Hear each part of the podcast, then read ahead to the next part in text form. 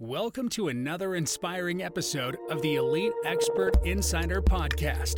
Hosts Melanie Johnson and Jenn Foster are the owners of Elite Online Publishing. They're both Wall Street Journal, USA Today best-selling authors. We're really glad you're here because this podcast was designed for you. Meet industry experts that share their secrets and strategies. Get successful results for your business in money, relationships, health, and your life. Each episode is going to inspire you to take action towards reaching your greatness. Hey everyone, welcome to our show. I'm Melanie Johnson, your host, along with Jenn Foster. Hey Jenn. Hey everyone, how's it going today? Oh man, it's going to be amazing. We are getting personally coached today. Everyone can get personally coached today. We have a fantastic guest, Jim Harshaw Jr. is with us, and we have like this little kismet that we were both he was a wrestler a wrestling coach but i know a lot about wrestling just from my family but we're not really going to talk wrestling today. We might stick some of that in there but what we're going to give you if you feel like you're lacking consistency you're lacking focus you're lacking clarity think we've all been there one time or another.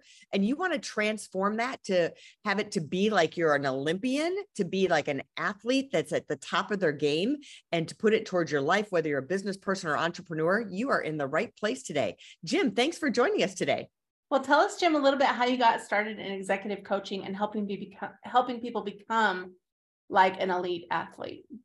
Yeah, so it really came from a failure, and I you know, I had a, a successful business was my first business and I sold that. And then I raised some angel capital and I built a software company. And about two years into that, it failed. And I found myself at one point of my life with a failed business. We had debt up to our eyeballs. I had a struggling marriage because I was so single minded, focused on this business that I wasn't paying attention to my relationships in my life and my most important relationship, which was with my wife, and even not spending enough time with my kids. I wasn't working out. So I was in the worst physical shape of my life. I was just, I was broken, broke and broken, I should say. And I was kind of at this low point, not kind of, I was at this low point. And I remember I was sitting on my couch one evening after a, uh, another argument with my wife about what are we doing about finances and money's tight and things are hard. And she went to bed and I, I opened up my laptop and I started scrolling for jobs on Craigslist, which is, I guess, where you used to go looking for mm-hmm. jobs back in the day. And I remember I was scrolling past jobs for like paper boys and unpaid internships. And I'm thinking to myself, you know, I was an all American athlete. I have a, I have two degrees from the number one public university in the country, University of Virginia.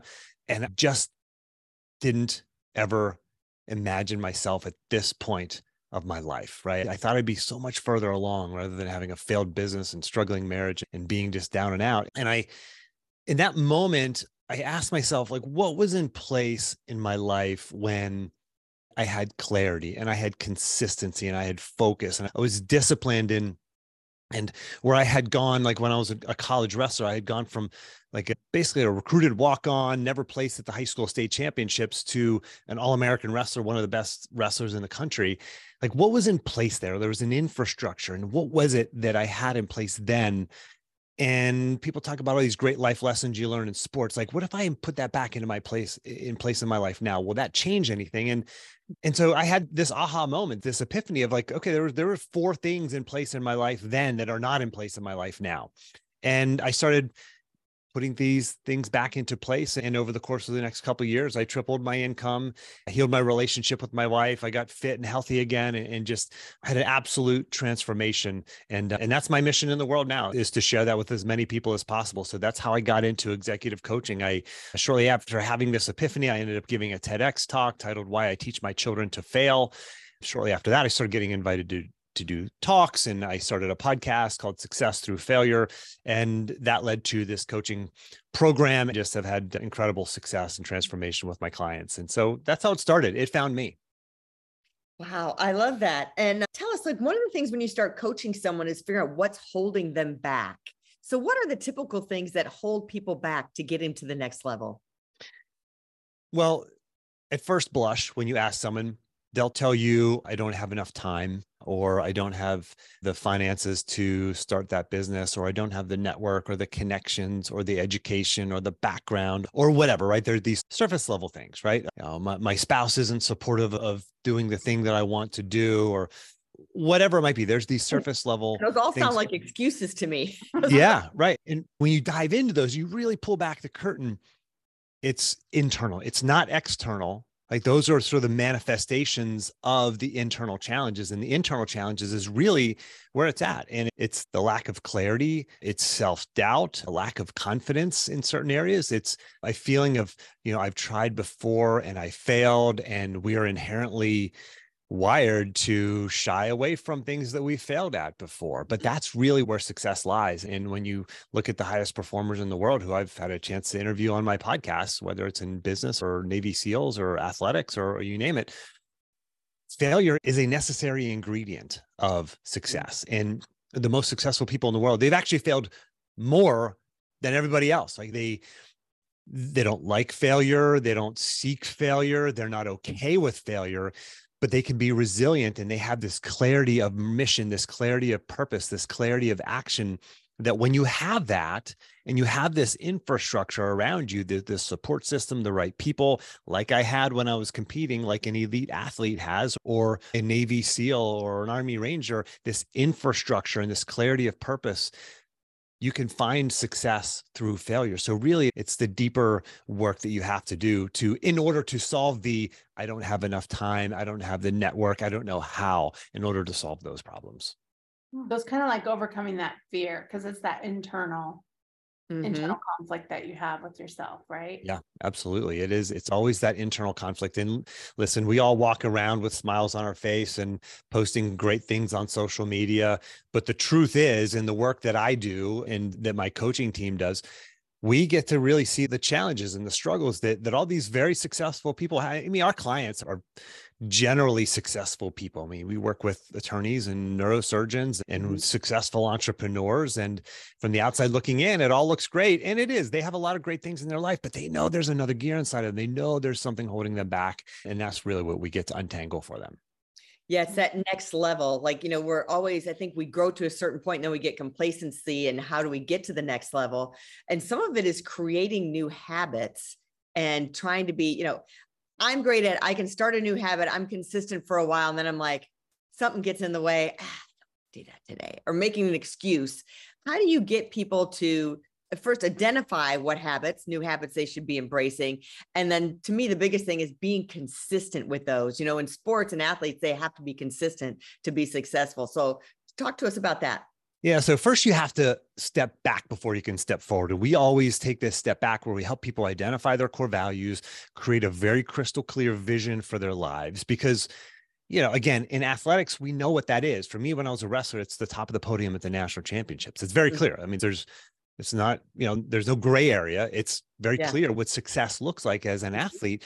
In the real world, we don't have that. That there's most of us haven't taken the time to define what that top of the podium looks like in the real world. And so once you define that and then you identify what are the values that drive you, then you can set the goals. And then once you set the goals, the very clear goals, measurable goals, we set what we call micro goals, which are also sort of like a, mm-hmm. they're a goal, but they're just the smaller sort of 30 day goals that you can track, like a KPI or a OKR. This is a metric that you can track.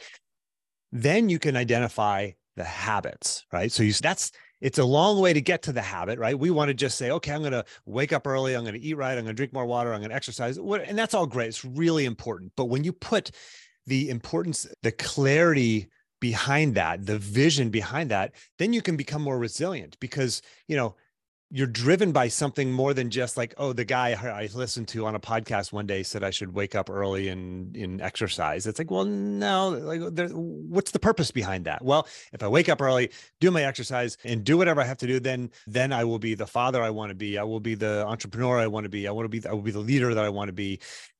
And that's where we have to start. And so that's how you get to the habits and then how do you be consistent with them is i mean part of it's you know encapsulated in what i just talked about but the second part is you have to have one of the four pieces of the framework is this environment we call it the environment of excellence and when i was wrestling i had an environment of excellence. I was around teammates right? I was accountable to them they were accountable to me.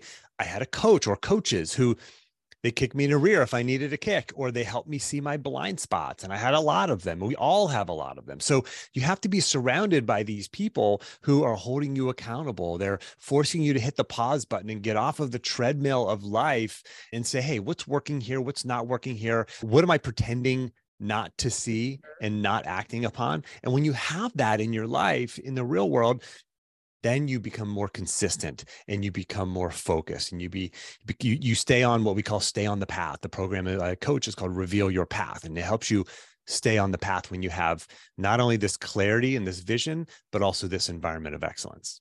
I like that because with kind of your model that you have that focus can kind of stay there because i think that's where i get derailed all the time because it's like oh i lose the focus or i lose and maybe it is because i'm losing that goal like you're talking about like you're not focusing on that.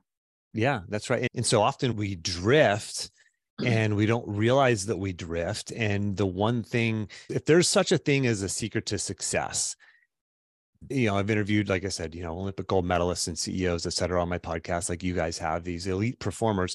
I, I would always ask them what's the one habit you most credit for your success? And for the New York Times bestselling author, it was never the writing. For the Olympic gold medalist, it was never the training.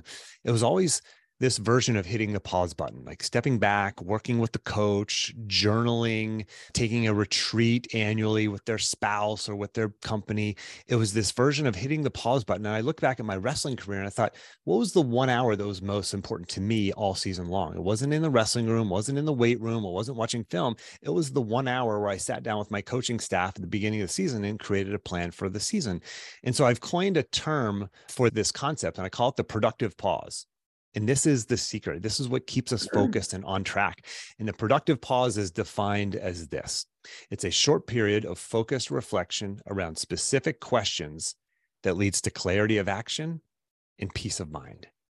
That is what we're all seeking clarity of action peace of mind. That doesn't come from waking up and doing the same thing today for no better reason than that's what I did yesterday and waking up tomorrow and jumping back on the treadmill of life and doing the same thing tomorrow because that's what I did today. We have to hit the pause button on a daily basis. It's as simple as saying, How do I win the day today? On a monthly basis, it's evaluating your progress upon your goals and writing down your micro goals for the next 30 days. On an annual basis, it's stepping back and looking, you know, back on prior year and looking ahead to the next year. So there's different sort of versions of this concept of the productive pause, but that is that's the secret. And you know, part of that I'm hearing that with that productive pause is a lot of us struggle with balance in our life and we have guilt surrounding that. I didn't spend enough time with my kids. I didn't spend any time on myself. And how do you create that with mm-hmm. not feeling like you're letting something fall through the gaps and having guilt? Yeah, that's the thing. Like so many of my clients come to me and they, you know, they're crushing it in some area of their life typically. And but they always feel like they're shortchanging one or the area or the other. Like they want to crush it in business and crush it at home as a spouse, as a parent, but they always feel like they're shortchanging one or the other. Or maybe they also want to be, you know, healthy and fit and all that. They they just feel like they're always juggling and dropping one of those balls. And so the, what we do to help remedy that is we set goals in four areas. I mean, very clear goal. I mean, written goals, smart goals in in four areas. Number one, relationships. That's the most important. We also we want to go to the money goals, the career goals, but relationships is number one. We know that from the Grant study at Harvard is the longest longitudinal study in, on human happiness ever, and it boils down to connected, really healthy relationships is number one. It makes us happy. So number one is relationships. Number two is self goals. Number three is health, like health and wellness, and number four is wealth, like those financial goals, those career goals. So those four areas, and when you hit a when you do the productive pause, let's say once a month, and you identify what those goals are and you identify what the micro goals are and you say okay i've got to have i got to plan a date night with my spouse my wife's birthday is coming up or you know i want to spend some more time with my kids specifically doing this activity. I need to do this in my health and wellness. I got to commit to doing this thing and then in my business to hear the metrics i have to hit over the next 30 days. When you do that when you hit that pause button and then you write those micro goals down you have them literally right beside me uh, two feet away from me as i sit here and talk to you. When you have that clarity you can stay on track in all of the areas of your life. It's not easy, but it's simple. I like that way you say it's simple because I think a lot of times I overcomplicate things and think, oh, it's too hard, it's too many steps, too many micro things, I'm, and then you don't do any. Yeah. right? Mm-hmm. yeah, if you just identify, that's what I do with our clients is we say, okay, like what's the one thing you need, or maybe two, maybe three things you have to do over the next month. Like if it's maybe something small, then you can maybe do two or three things. If it's something bigger, you know, then it's maybe just one. But it's like, well, I need to go have coffee with that business mentor, or I need to, you know, go have a date night with my wife, or I need to, I need to sign up for that gym membership that I've been talking about doing. Like those are all three very simple micro goals that we can all act upon. And if we just do those, check the box, do those, forget about it, go on about life. And then next 30 days comes back around, you go, okay, here I am. I've, you know, I've signed up for the gym membership. I had the date night with my spouse. I've made these business connections. Man, I am moving, I'm advancing the ball on all of these goals and I'm keeping it all in balance. You know, I think one of the things I'm guilty of is making too many micro goals. Hmm. Like, oh, I've made, you know, oh, so I should, I want to be an overachiever. So for in each category, I've got 10, yeah. 20 goals in each one. And then the end of the month comes by and you feel like a failure instead of going, I accomplished four of these goals or five of these goals or even two of these goals in each of these categories. And yay, me. I'm like, but then I still feel like a failure because look, at I had all this rest on my list. So I That's really right. philosophy of don't overwhelm yourself on the list. Do something that's really just achievable and then really do that well, check it off, and then move on to the next thing and make the new list of and, going right. And that's why we need this person outside of us. That's why we need this coach who's saying, wait a second, Melanie, I think you're biting off a little more than you can chew here. Why don't we, okay, you got seven things you want to do in this category. Let's look at three. Let's keep all seven. And let's say, oh, if you achieve these three, this is a win. And these four are kind of bonuses, right? And so when we have that person outside of our own head, they can help us sort of be the governor and say, hey, back off on this one, maybe dial this one up a little bit more. And that's so funny. My next question was going to say, why do you feel people need the benefit of having a coach? Why do they need a coach? And what's the benefit of having a coach? You know, we look at elite performers, let's say Tom Brady, right? The GOAT of football, or we look at elite performers in business and whoever that person is in, in your industry for the listener, you know, in your industry, who's crushing it. We look at them and we go, gosh, they just kind of have it together and they're doing all this on their own. And when you actually hear these people talk, they talk about their coaches and their advisors and the people. You know, Tom Brady had a quarterback coach. I'm pretty sure Tom Brady knows how to throw a football, but he still had a quarterbacks coach. He had a, a strength and conditioning coach. I'm pretty sure he knows his way around a weight room. you know, I mean, he had a fitness coach, nutrition coach, right? They have these people around them, and we can't listen.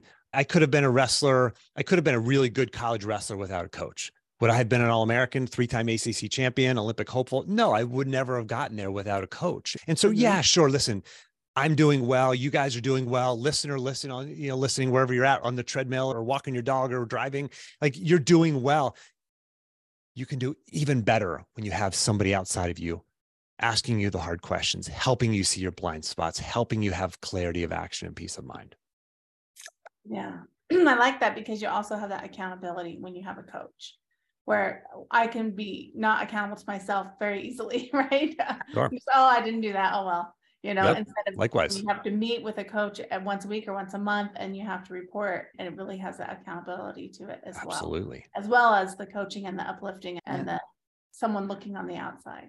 That's well, right. I got a bunch of notes and I hope it was helpful to everybody else, but it was definitely helpful to me as well. So, Jim, thanks for joining us today. Tell us where we can find you. So if you just Google my name, Jim Harshaw, H A R S H A W, you'll find me. You'll find my website, jimharshawjr.com. You'll find me on all the socials on Instagram and Twitter, LinkedIn, Facebook. Just Google my name. If you want to join and sign up for a free coaching call with me, you can go to jimharshawjr.com slash apply. If you just want to get access to the action plans from 400 plus interviews, just the cliff notes, go to jimharshawjr.com slash action. So I look forward to interacting, connecting with anybody who has questions here. Awesome. And what's the name of your podcast again? And people can go Yeah, Success Through Failure. Success Through Failure. We're on every podcast platform. We've interviewed Tim Ferriss and Olympic gold medalist Shannon Miller and Jack Canfield and you name it, a lot of amazing people on there. Awesome. We'll put all those links up in the show notes. Great. Thanks, guys. Thanks for joining us. And if you're looking to become an author and a number one bestseller, contact us at Elite Online Publishing. We help you write and publish and market your book. We'll see you next time. Have a great week, everybody. Bye. Hey, are you looking to increase your revenue, build credibility, and elevate your brand? This podcast is brought to you by Elite Online Publishing, an innovative publishing and full spectrum marketing company. They will publish and market your book to make it a number one bestseller. Becoming an author is the best way to market your business. So contact them at eliteonlinepublishing.com today. All of their authors become number one bestsellers.